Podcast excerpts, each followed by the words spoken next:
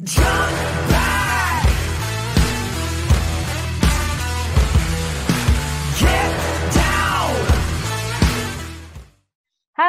Bang Coki, Horas.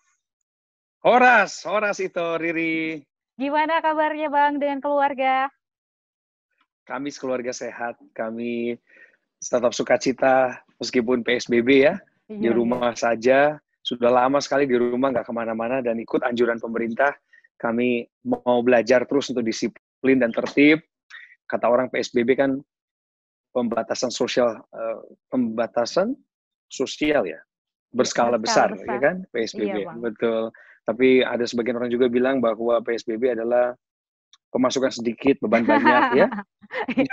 Benar-benar. Masuk akal ya Bang. Iya, Jadi tapi kami semua sehat aja itu Bang, ya? yang patut. Iya betul dinikmatin dan patut bersyukur karena masih diberikan kesehatan oleh Tuhan. Iya, Eh, kami mengucapkan terima kasih banyak karena Bang Coki bersedia ikut dalam konser online ini Bang. Makasih banyak. Oh iya, satu kehormatan dan terima kasih sudah mengajak. Oke, Bang, ini selama PSBB ya, mungkin kalau setelah corona ini kita udah sebulan di rumah aja gitu kan, Bang. Apa sih kegiatan Abang selama di rumah aja, Bang? Saya selalu produktif itu. Jadi kami dari rumah ini kan banyak hal yang bisa kami lakukan bareng ya. Contoh dengan keluarga pertama, karena nggak ada pilihan lain. Yang pertama harus dilayani kan adalah keluarga. Iya. Ini rekor bagi diri saya sendiri. Ini pribadi saya sudah ciptakan rekor rekor hebat. Rekor hebat itu adalah begini. Lebih dari sebulan selama 24 jam per hari tidak meninggalkan rumah. Hmm. Itu udah jadi rekor pribadi gitu. Belum pernah seumur hidup saya di masa-masa saya sibuk kemarin sebelum ada pandemi saya bisa habiskan 24 jam waktu saya di rumah. Anak-anak saya butuh perhatian. Jadi selama kami PSBB saya dampingi anak-anak dalam proses belajar di sekolah, maksudnya di sekolah di rumah ya, belajar guru dari ya, rumah. jadi jadi orang tua yang belajar jadi guru buat anak-anak dan ternyata baru sadar kalau guru-guru mereka itu memang orang yang sabar dan tekun ternyata ya. Iya, Karena saya kadang kurang sabar dan kurang tekun gitu. iya benar. Eh, kemudian saya juga banyak dapatkan masukan dan permintaan dari rekan-rekan untuk Mhm. kolaborasi dalam hal memberikan kekuatan, inspirasi lewat video, lewat Hmm. bahan pembicaraan, seminar dan lain sebagainya. Jadi Hmm. memang dari rumah ini kegiatannya masih seputar pelayanan di tengah masyarakat lewat talenta Hmm. saya, menghibur, mengajar, ah. mendidik karena kami juga kan bergerak di dunia public speaking. Iya, iya, Bang. Berarti memang sangat produktif ya, Bang ya? Cukup produktif sebenarnya, Ya, cukup produktif. Yang penting istirahatnya masih cukup, kemudian juga masih sempat olahraga Mm-mm. karena saya mengikuti juga anjuran dan kiat-kiat apa yang selama ini saya lakukan sebelum pandemi dan itu membawa hasil yang baik. Saya lanjutkan juga selama pandemi ini supaya fisiknya tetap terjaga. Yes. Berarti kalau corona ini memang ada hikmah lah ya, Bang. Eh, secara pribadi dari Abang hikmahnya luar biasa juga ya, Bang ya. Oh pasti, pasti, pasti. Segala sesuatu pasti meninggalkan pelajaran dan pembelajaran buat kita. Hikmah, kita sebutnya hikmah. Jadi Hmm. hikmah itu lebih berharga daripada proses yang menyakitkan diri kita. Hikmah itu lebih berharga daripada sekedar kita melihat, oh ini musibah, ini bencana. Karena setelah musibah dan bencana, atau kita sebut pandemi sekarang, Iya. pelajaran yang bisa kita tarik daripada kejadian itu seharusnya menguatkan diri kita kan gitu. Seharusnya kita sebagai bangsa kan semakin solid. Sebagai umat manusia kita harusnya semakin penuh kasih, semakin punya empati untuk ditunjukkan kepada orang lain. Semakin kita merasa diri kita kecil di mata Tuhan yang menciptakan kita kan. Karena ternyata kekayaan, kesuksesan, pamor tidak mampu menyelamatkan kita ketika kita memiliki persoalan yang sama. Tetapi meskipun persoalannya sama, yaitu pandemi COVID-19, Mm-mm. toh kita punya cara berbeda untuk menanganinya. Toh kita punya punya banyak perspektif yang berbeda dan kemampuan kita juga berbeda dalam menghadapinya. Hanya hasilnya sebagai manusia itu hampir sama. Yaitu ternyata kita nggak kuat-kuat amat, ternyata kita memang punya kebergantungan pada orang lain, kita Yes. membutuhkan doa mereka, dan Mhm. dan kita perlu menolong orang-orang yang lebih lemah dari kita kan gitu. Yes, ya. Eh, ini salah satunya ya Bang lewat kita berkontribusi juga ya. Abang ikut sama kami juga itu salah satu ini cara menolong yang lain. Iya. Makanya kita bersyukur Bang Coki ikut hari ini Betul. teman Del untuk berkontribusi menolong yang lain. Terus ini Bang, kalau masa pandemi ini kan banyak tuh orang yang akhirnya muncul bakat-bakat terpendam, bakat-bakat baru. Kira-kira Bang Coki ada gak sih muncul bakat terpendam gitu Bang? bakat terpendam ya. Iya. Sebentar saya pikir-pikir dulu ya. Bakat terpendam saya tiba-tiba apa ya? Sejauh ini sejauh ini saya belum belum belum memasak di rumah Oh. karena masih jadi tugasnya istri dan juga asisten rumah tangga. Ah, ah. Jadi saya belum menemukan bakat dalam Oh, dunia ya, memasak. Bang? Kemudian apa ya? Bel- Belum sih kalau saya, saya sih masih gunakan talenta Oke. saya untuk nolong orang dari rumah. Oh, gitu. Ya, Mengajar Cara tadi belum ya Bang? bersosial. Mengajar, mengajar, anak mengajar. ternyata? Oh, Bisa. eh, ya akhirnya terpaksa harus dampingin dia lebih lama kan. Biasanya kan kita antar dia ke sekolah lalu dititipin ke sekolah kan ke guru-gurunya. Iya, benar. sekarang kita harus mendampingi dia lebih lama gitu. Tapi saya pikir itu bukan bakat baru, itu justru adalah kesempatan ya, Kesempatan. kesempatan baru yang kami dapat gitu. Saya merasa sejauh ini masih masih dengan talenta yang sama, hanya hanya saya melihat ada cara-cara baru aja. Jadi Oh, perspektif ya, pandangan pandangan terhadap masalah. Contoh, saya bukan orang yang tipenya melakukan interaksi sosial seperti ini misalnya dengan Zoom Oke. atau atau teman-teman yang mengikuti Instagram saya Ah. pasti ngeh juga frekuensi saya untuk mengunggah sesuatu lebih tinggi sekarang dengan video Oke. gitu karena Iya. sebenarnya meskipun saya saya bisa melakukan seni berbicara di depan publik tapi Mm-mm. saya nggak selalu pengen bikin video gitu saya nggak selalu Hmm. pengen ketemu orang dengan cara video Oh, uh, konferensi seperti ini gitu Uh-huh. saya nggak bukan tipe seperti itu saya senangnya ketemu secara orang langsung gitu. gitu. Benar, secara langsung. Langsung Tapi ya. ini adalah cara baru dan saya harus adaptif. Ya, saya harus mengikuti perkembangan zaman. Kalau saya tidak laksanakan ini ya, saya nggak akan pernah bisa menyapa teman-teman Del kan gitu. Benar, benar, benar, Bang. Ke- tapi kemarin yang kau perhatikan kan ikut live Instagram Abang hari Sabtu kemarin ya. Rame sebenarnya yang nonton Bang. Kayaknya Bang harus sering-sering live deh, Bang. Oh Ada iya, sampai eh, 700 Mbak 800. Yuanita ya? Iya. Oh, Kemarin sempat Iya, ikut kan. Iya, iya, iya. Oh, Ternyata Iya, mungkin iya, iya, karena iya. Abang jarang live kali ya. Jadi sekali live itu langsung rame yang nonton. Aduh, amin, amin. Ya, puji Tuhan. Saya pikir ini baik lah untuk menghibur, untuk mengedukasi, menginspirasi. Sebenarnya hampir tidak ada batasan buat kita kok sekarang ini dengan menggunakan fasilitas yang ada. Iya, Ya, asal ada keinginan aja, keinginan untuk berbagi ya berbagi. Mm-mm. Kalau saya prinsipnya memang saya tidak mau terlalu mengobral begitu ya. Jadi Hmm. kalau saya mau bikin siaran langsung harus bermanfaat dan harus disiapkan. Ya. Jangan sampai jadi recehan gitu. Jangan Benar, sampai hanya benar, sekedar ah sekedarnya aja lah yang penting dipenuhi kuotanya gitu. Janganlah ya. Kita pengennya sekali pukul tuh orang Langsung bisa maksimal ya, Bang. KO gitu. Ya. Oke, siap, Bang. Iya, iya. Terus untuk kegiatan dengan keluarga biasanya apa Hmm. nih Bang yang sekarang di masa pandemi ini jadi lebih menarik misalnya ada kegiatan tambahan baru di Hmm. keluarga gitu? Oh iya, saya dampingin anak-anak bikin sesuatu di dapur. Karena anak-anak saya kan senang senang eksperimen. Dia bilang sama papa mamanya kalau mereka pengen bikin misalnya ada yang dia suka yaitu gummy bear. Gummy bear itu gel permen jelly begitu yang yang ada bahan-bahannya gampang kita bisa unduh di di mana pun ya di, Ah. di lewat internet kemudian Oke. kita siapkan bahannya lalu kita kerjakan sama-sama.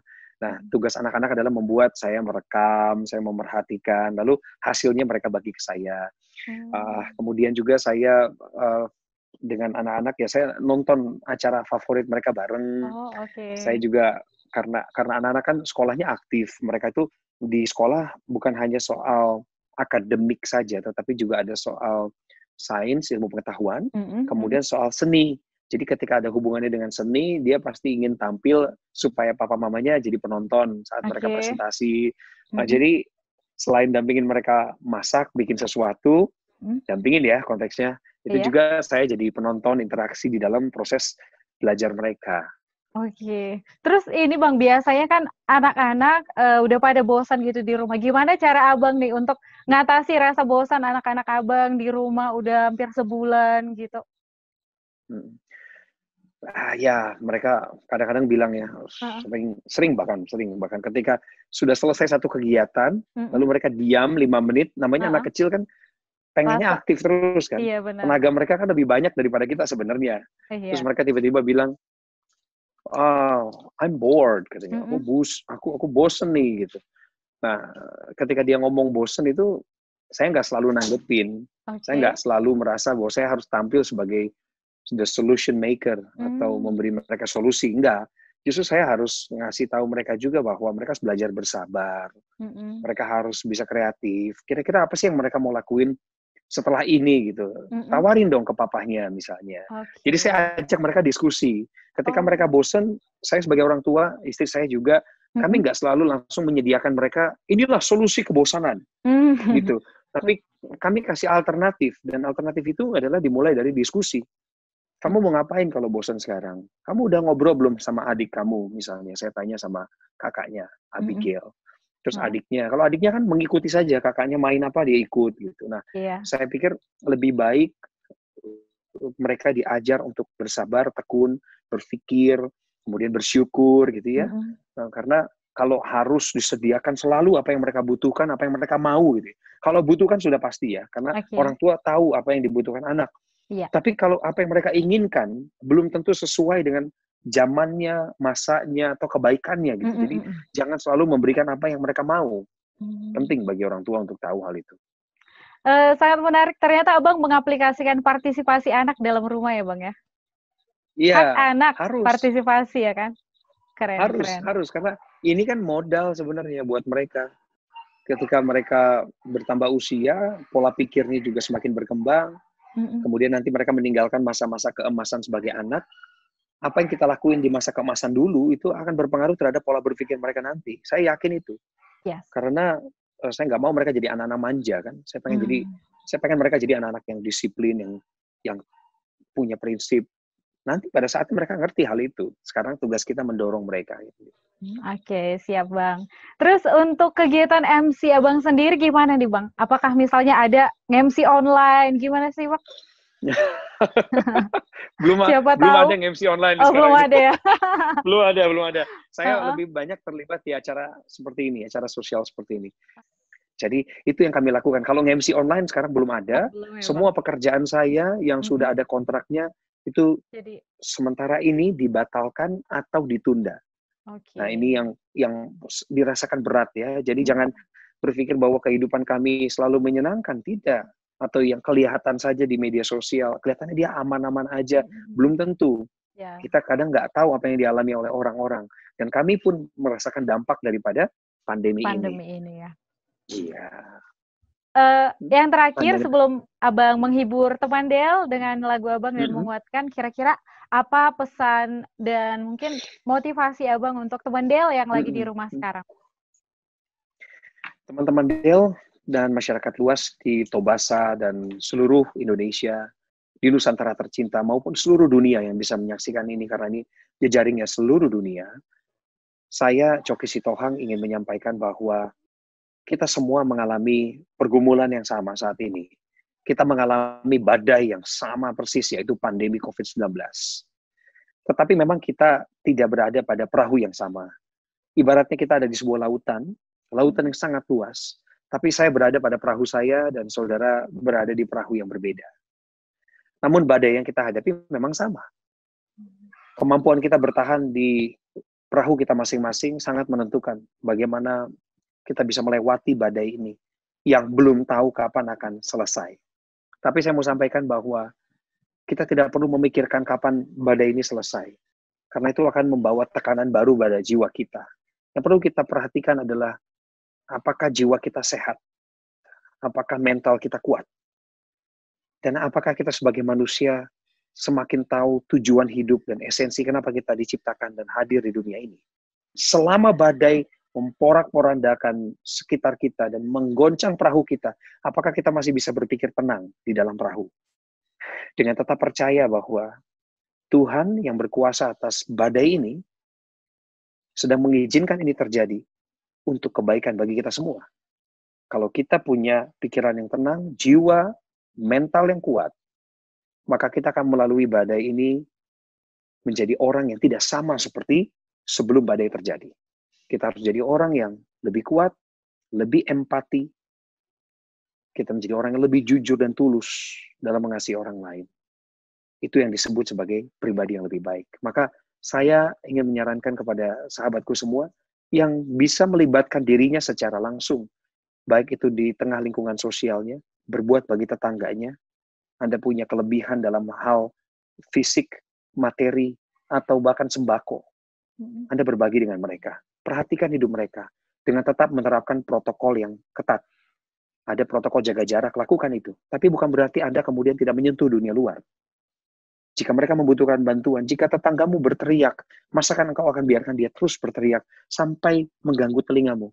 Bahkan ketika engkau mau tidur, teriakan mereka masih terus terngiang. Jangan lakukan sesuatu untuk mereka. Jika lewat internet ini, lewat sambungan ini, Anda bisa melakukan sesuatu, berdonasi, atau Anda ingin mengirimkan apa pun yang Anda punya, maka ikutlah, bergabunglah, jangan jadi pasif. Ini waktunya kita mengaktifkan semua yang menjadi sensitivitas kita sebagai manusia. Maka saya menganjurkan saudara untuk ikut dalam acara donasi ini dengan DLFM, kerjasama dengan kitabisa.com, ada tautan di bawah ini, nanti saudara bisa lihat bagaimana caranya prosedurnya, semua tidak sulit, tidak ada yang sulit. Tidak ada yang sulit. Ya, ambil waktu, tenang, doakan, dan mulailah berbuat. Yes, makasih banyak Bang. Aku yakin ini sangat menguatkan untuk teman Del yang udah uh, lihat atau nonton kita. Nih. Dan supaya Amin. makin menguatkan, apa nih lagu pertama yang mau Abang nyanyikan untuk teman Del? Saya akan mempersembahkan sebuah lagu yang merupakan lagu kenangan kita semua. Hmm. Meskipun saya tidak lahir di tanah Sumatera, ya. tetapi ada darah suku Batak yang begitu kuat di dalam tubuh saya. Hmm. Dan itu DNA saya. DNA saya adalah orang Batak. Saya ya. bangga menjadi orang Batak, saya bangga menjadi orang Indonesia. Tanpa Indonesia, suku Batak tidak mungkin ada. Dan tanpa suku Batak, Indonesia tidak akan menjadi NKRI. Negara Kesatuan Republik Indonesia. Jadi saya yang lahir dari papa saya yang bermarga Sitohang dan ibu saya yang berboru Napitupulu, kami hmm. Ingin kembali mengingatkan lewat lagu ini bahwa kecintaan kita terhadap tanah kelahiran tidak selalu berbicara tentang di mana kita lahir, tetapi dimulai dari pengetahuan dari siapa kita dilahirkan, siapa leluhur kita. Dan saya percaya meskipun saya dilahirkan di Jawa Barat, mm -mm. Tapi leluhur saya berasal dari tanah Sumatera. Mereka lah yang pernah berjuang di sana untuk marga Sitohang, Napitupulu, dan seluruh marga dan boru yang ada di tanah Sumatera. Oleh sebab itu saya ingin persembahkan lagu Otano Batak untuk mengingatkan kita betapa rindunya kita untuk mengasihi orang-orang yang satu suku, satu bangsa dengan kita. Oke, jadi kita mau dengerin teman Del. Boleh. Selamat mendengarkan.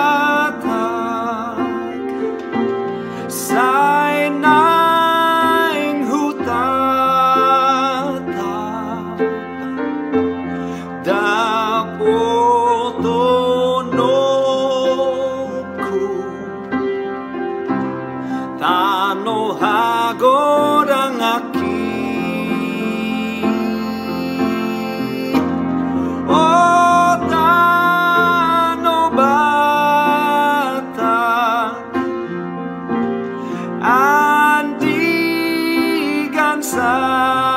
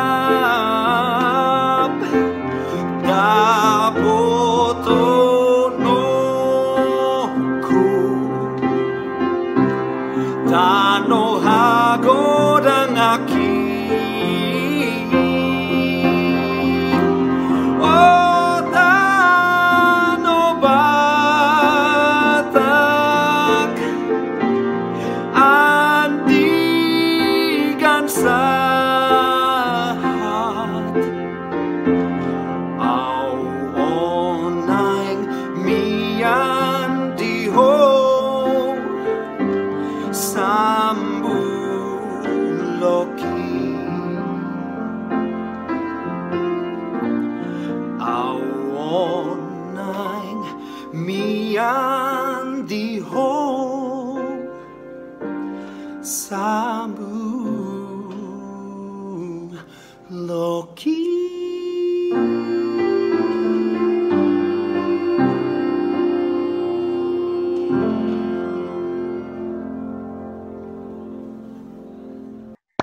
Yay! Ternyata Bang masih walaupun udah di Jawa Barat tapi masih tetap ingat eh, ini asalnya luar biasa Bang. Masih ingat bahasanya sih ingat Bonapasogit gitu ya. Tempat Iya, asal Bona kita. Pasogi. Yes. Betul, betul, betul. Jadi eh, tentang tentang eh, suku saya Batak, tentang marga saya Sitohang, tentang oh Tano Batak itu selalu mengingatkan saya bahwa saya nggak boleh lupa siapa sejarah eh, dari mana saya berasal, apa sejarah hidup saya, keluarga saya dan siapa leluhur saya gitu. Itu sehingga meskipun kami punya banyak kekurangan, eh, kami tidak terbiasa berbahasa Batak, saya tetap mau belajar, mau diajar dan dan jangan pernah lupa bahwa menyertakan marga di belakang nama saya itu penting bagi saya pribadi ya, Oke, bagi saya pribadi. ya Bang. ya. Identitas betul, identitas. Terus ini Abang masih bisa bahasa Batak nggak sih Bang? Atau sedikit? Saya kurang dibiasakan. Oke. Sedikit sekali saya bisa berbahasa Batak, sedikit sekali. Kebanyakan kalau ada yang bicara dalam bahasa Batak, saya bisa mengerti ketika Ha-ha. saya harus memperhatikan benar-benar gesturnya gitu. Ah, Tapi sekali lagi bahwa itu tidak terlalu menjadi masalah. Saya pikir Ya. karena kita masih punya bahasa persatuan, yaitu bahasa Yes. Indonesia. Dan cara saya menghormati adatnya, adat Batak, cara saya menghormati leluhur saya, tidak Mhm. selalu harus dari bahasa, Yes. tetapi Oke. dari kehadiran, dari cara memanggil, dari dari bagaimana saya mempromosikan selalu diri saya dalam tanda petik mempromosikan dia karena identitas saya Iya. selalu dibawa gitu. Yes, Iya, jangan betul. pernah lupa. Du- Dulu waktu saya memulai karir ya, itu Mm-mm. sebagai Iya, penyiar radio, saya Oke. memulai karir saya kan dari penyiar radio tahun 99. Oke. Waktu saya menjadi penyiar radio di Kota Bandung, saya pernah Mm-mm. punya satu pengalaman unik sebenarnya. Kalau Oke. boleh saya berbagi Ya, silakan Bang. Tentang identitas. Jadi waktu saya sedang melakukan masa training atau masa pelatihan, Mm-mm. setelah tiga bulan saya pelatihan di radio tersebut, Oke. kemudian saya menggunakan nama palsu, nama samaran saat itu, karena tidak Oke. diperbolehkan pakai nama asli. Nama asli. Oh. Kemudian entah kenapa saya nggak damai sejahtera saat itu, hati saya kok menolak gitu. Lalu saya debat lagi, saya argumen, saya bilang enggak, saya mau pakai si Tohang. Saya bilang, eh kepanjangan lu susah orang ngafalinnya, udah lu coki aja. Dia agak bernada begitu. Ah, ah. Saya- Terus saya bilang enggak, saya mesti pakai si Tohang. Hmm. Alah, lu kan lahir juga di Bandung, di Jawa Barat. Udah, lu coki aja. Saya berpikir terus, saya mesti kasih Hah. jawaban apa ya, supaya dia setuju dengan saya gitu loh. Oke, oke. Akhirnya saya dapat hikmat. Saya dapat hikmat tiba-tiba. Lalu saya katakan begini, Bang, mohon izin nih, maaf, saya bilang. Coki itu memang baru lahir 17 tahun yang lalu. Oh. Waktu itu umur saya 17. Waktu Oke, saya menjadi penyiar muda. Oke, Bang. Saya bilang, Coki baru lahir 17 tahun yang lalu. Tapi Marga Sitohang itu sudah ada sebelum Republik ini berdiri. dia diem. Nggak terjawab Dia lagi. diem, Oh, dia diem, lalu dia bilang, ya udah terserah kamu deh. Gitu. Oke. Akhirnya saya pakai Coki Sitohang dari tahun 99 saat saya Mhm. on air pertama kali di radio. Oke. Jadi kemudian hari eh, dengan kasih karunia Tuhan saya diizinkan untuk tampil secara nasional lewat Ah. televisi dan program saya dan dan nama Coki Sitohang menjadi sebuah merek dagang tertentu di dunia hiburan. Oke. Lalu saya ketemu lagi kan dengan abang ini dengan mantan program Hmm, director oke, saya oke. di, Iya. di dunia hiburan saya ketemu dia lagi lalu dia Uh-uh. kasih saya satu dukungan yang hebat secara verbal dia bilang begini cok wah lu hebat lu gua bangga sama lu katanya untung lu pakai nama lu Sitohang sekarang jadi namanya Coki Sitohang kata. Ah. dalam hati saya ya kan lu juga dulu yang pengen cegah gua nggak mau pakai marga untung Iya, gua benar. berkeras Keras hati gitu ya. Iya, benar. Jadi, Itu kalau ah, ah. kalau kita kalau kita mau berkeras hati kita mau mau memenangkan prinsip kita yang baik ya Mhm. eh, pada akhirnya kita harus katakan apa yang benar dan alasan yang kuat juga ya, Bang ya. iya iya Terjawab juga memang kalau dibilang kayak gitu ya. Luar biasa. Terus ini Abang mau nyanyi apa? Lagu kedua, Bang? lagu yang kedua ini Ito Riri, teman. Del dan masyarakat Tobasa dan masyarakat Indonesia semuanya saya persembahkan untuk setiap pejuang kehidupan. Oke. Saya bisa menamakan Ito Riri di studio pejuang kehidupan karena pasti Ito juga berjuang buat keluarga tercinta, orang tua, buat pasangan jika kamu memiliki pasangan hidup saat ini. Bagi semua yang hari ini memilih untuk berjuang bagi orang yang mereka sayang. Saya tahu kondisi ini sulit buat kita semua. Bahkan bagi saya pun sulit. Tetapi ada satu pesan yang kuat lewat lagu ini. Ada dua kata yaitu jangan menyerah. Kenapa? Kita tidak boleh menyerah dalam situasi seperti ini. Karena jika kita menyerah, maka kita berhenti berbuat. Maka kita memutuskan harapan dari beberapa orang kepada diri kita. Kita memutus harapan hidup kita. Lalu orang tidak dapat lagi berharap kepada kita. Saya tidak mengajarkan orang untuk berharap pada manusia, tidak. Semua harus berharap pada Tuhan. Tetapi menaruh harap pada manusia punya kadar yang tipis yang juga bisa menolong karena kita manusia juga alatnya Tuhan untuk menolong orang lain. Jadi kalau kamu berhenti, kamu menyerah saat ini, kamu tidak akan mendapatkan apa-apa di kemudian hari. Tetaplah berjuang karena Tuhan pasti menyediakan kekuatan, pertolongan, jalan keluar dan pada akhirnya keberhasilan pada kita yang tidak menyerah. Jadi teman Del, ini kita akan eh, melihat lagu yang kedua dari Bang Coki, Jangan Menyerah.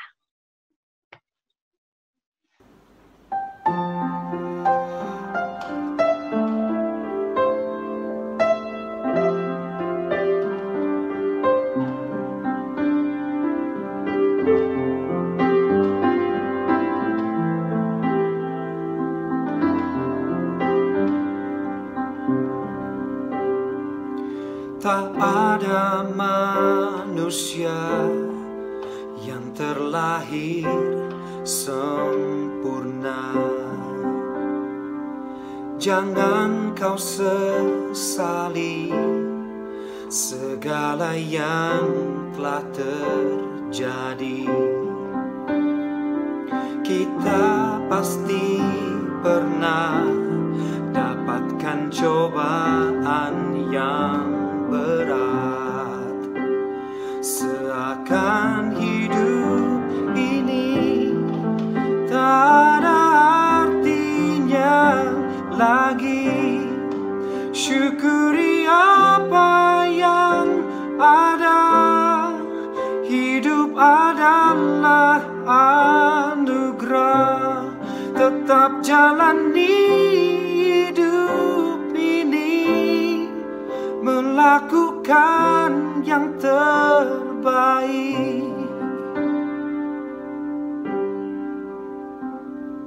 voltar.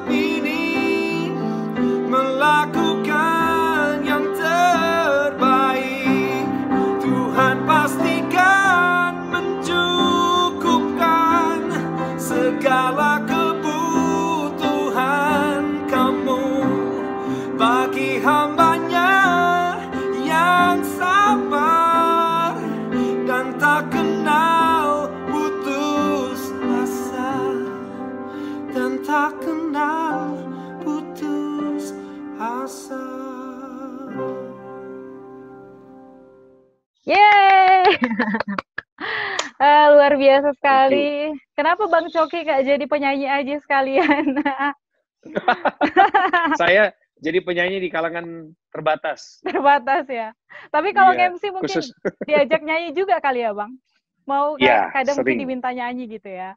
Iya, betul, sering. Jadi saya merasa saya harus berbagi talenta saya dengan orang lain dan ketika saya menyanyikan lagu-lagu tertentu ya harus dengan pesan yang kuat dan cara saya membawakannya juga memang harus bisa memberikan pesan itu kepada orang yang mendengar. Jadi bagi saya menyanyi adalah hobi, membuat saya juga eh, punya kekuatan baru, disegarkan dan lepas dari stres. Saya senang berbagi. Oke, nah jadi teman Del, ini gak cuma dua, Bang Coki mau berbagi berkat hari ini banyak dan penguatan lewat lagu. Masih ada yang ketiga, Iya. teman Del. Apa yang ketiga, Bang? Ini lagu pamungkas ya. Setelah Oke. kita tadi mendengarkan Otano Batak yang pertama, kita tahu akar kita dari mana, sejarah kita, kita memberi penghormatan kepada para leluhur kita, adat kita, adat istiadat yang punya nilai budaya luhur. Yang kedua adalah tadi lagu Jangan Menyerah, memberikan kita pengingat di masa-masa sulit seperti ini untuk tetap kita berjuang, karena kita mendapat kekuatan dari Tuhan yang selalu memberkahi orang-orang yang mau berjuang. Dan ketiga, ini adalah lagu Pamungkas. Oke. Dan saya berdoa, saya sungguh-sungguh berharap lewat lagu ini kita selalu ingat identitas kita yang sesungguhnya sebagai bangsa Indonesia. Ketika kita berhasil melewati badai dan ujian yang berat ini, yaitu pandemi COVID-19, maka kita akan keluar sebagai bangsa pemenang. Kita keluar sebagai bangsa yang tidak cengeng. Kita keluar sebagai bangsa yang punya disiplin, ketertiban, dan kita bisa berhasil sebagai sebuah bangsa, bukan berhasil hanya sebagai satu individu saja. Inilah lagu Indonesia Jaya yang versi aslinya banyak dinyanyikan, saya juga sudah tidak ingat siapa, tetapi saya teringat dengan senior kami, yaitu Bang Harvey Maleholo yang menyanyikan lagu ini ketika itu. Saya tidak akan pernah bisa menyamakan beliau, karena beliau punya karakter yang hebat dalam menyanyikannya. Saya ingin menyanyikan dengan cara saya sendiri, tetapi pesan ini mengingatkan bahwa sila ketiga dalam Pancasila, yaitu persatuan Indonesia, adalah kunci bagaimana kita keluar sebagai pemenang sebagai sebuah bangsa. Jadi selamat menikmati Indonesia Jaya sebagai doa dan harapan kita semua sebagai bangsa Indonesia.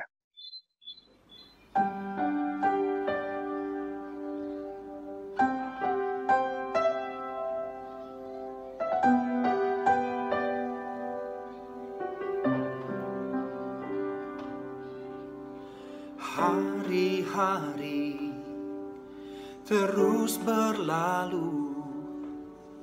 Tiada pernah berhenti. Seribu rintang jalan berliku. Bukanlah suatu penghalang. Hadapilah segala tantangan. Mohon petunjuk yang kuasa. Ciptakanlah kerukunan bangsa. Kobarkanlah dalam dada semangat jiwa Pancasila.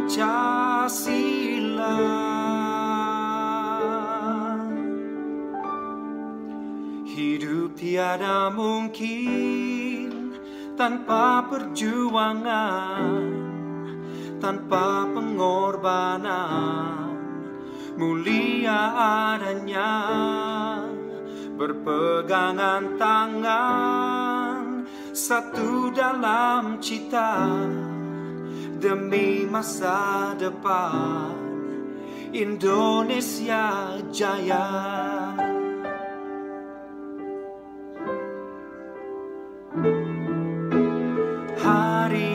Hari-hari terus berlalu. Tiada pernah berhenti. Seribu rintang jalan berliku. Bukanlah suatu penghalang. Hadapilah segala tantangan. Mohon petunjuk yang kuasa. Ciptakanlah kerukunan bangsa. Kobarkanlah dalam dada semangat jiwa Pancasila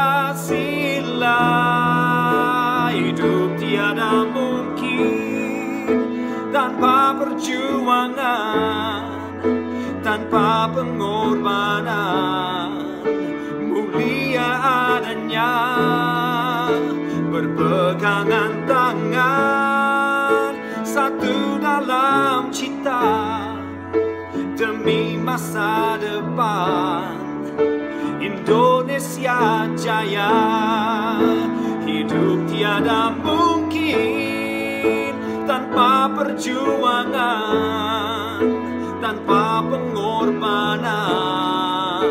Mulia adanya berpeganglah tangan satu dalam cita demi masa depan. Indonesia Indonesia jaya demi masa depan. Indonesia jaya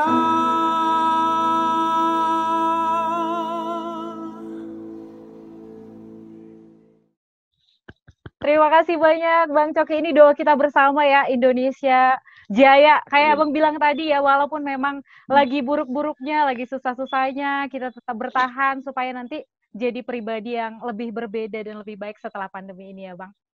Amin, amin, betul, betul.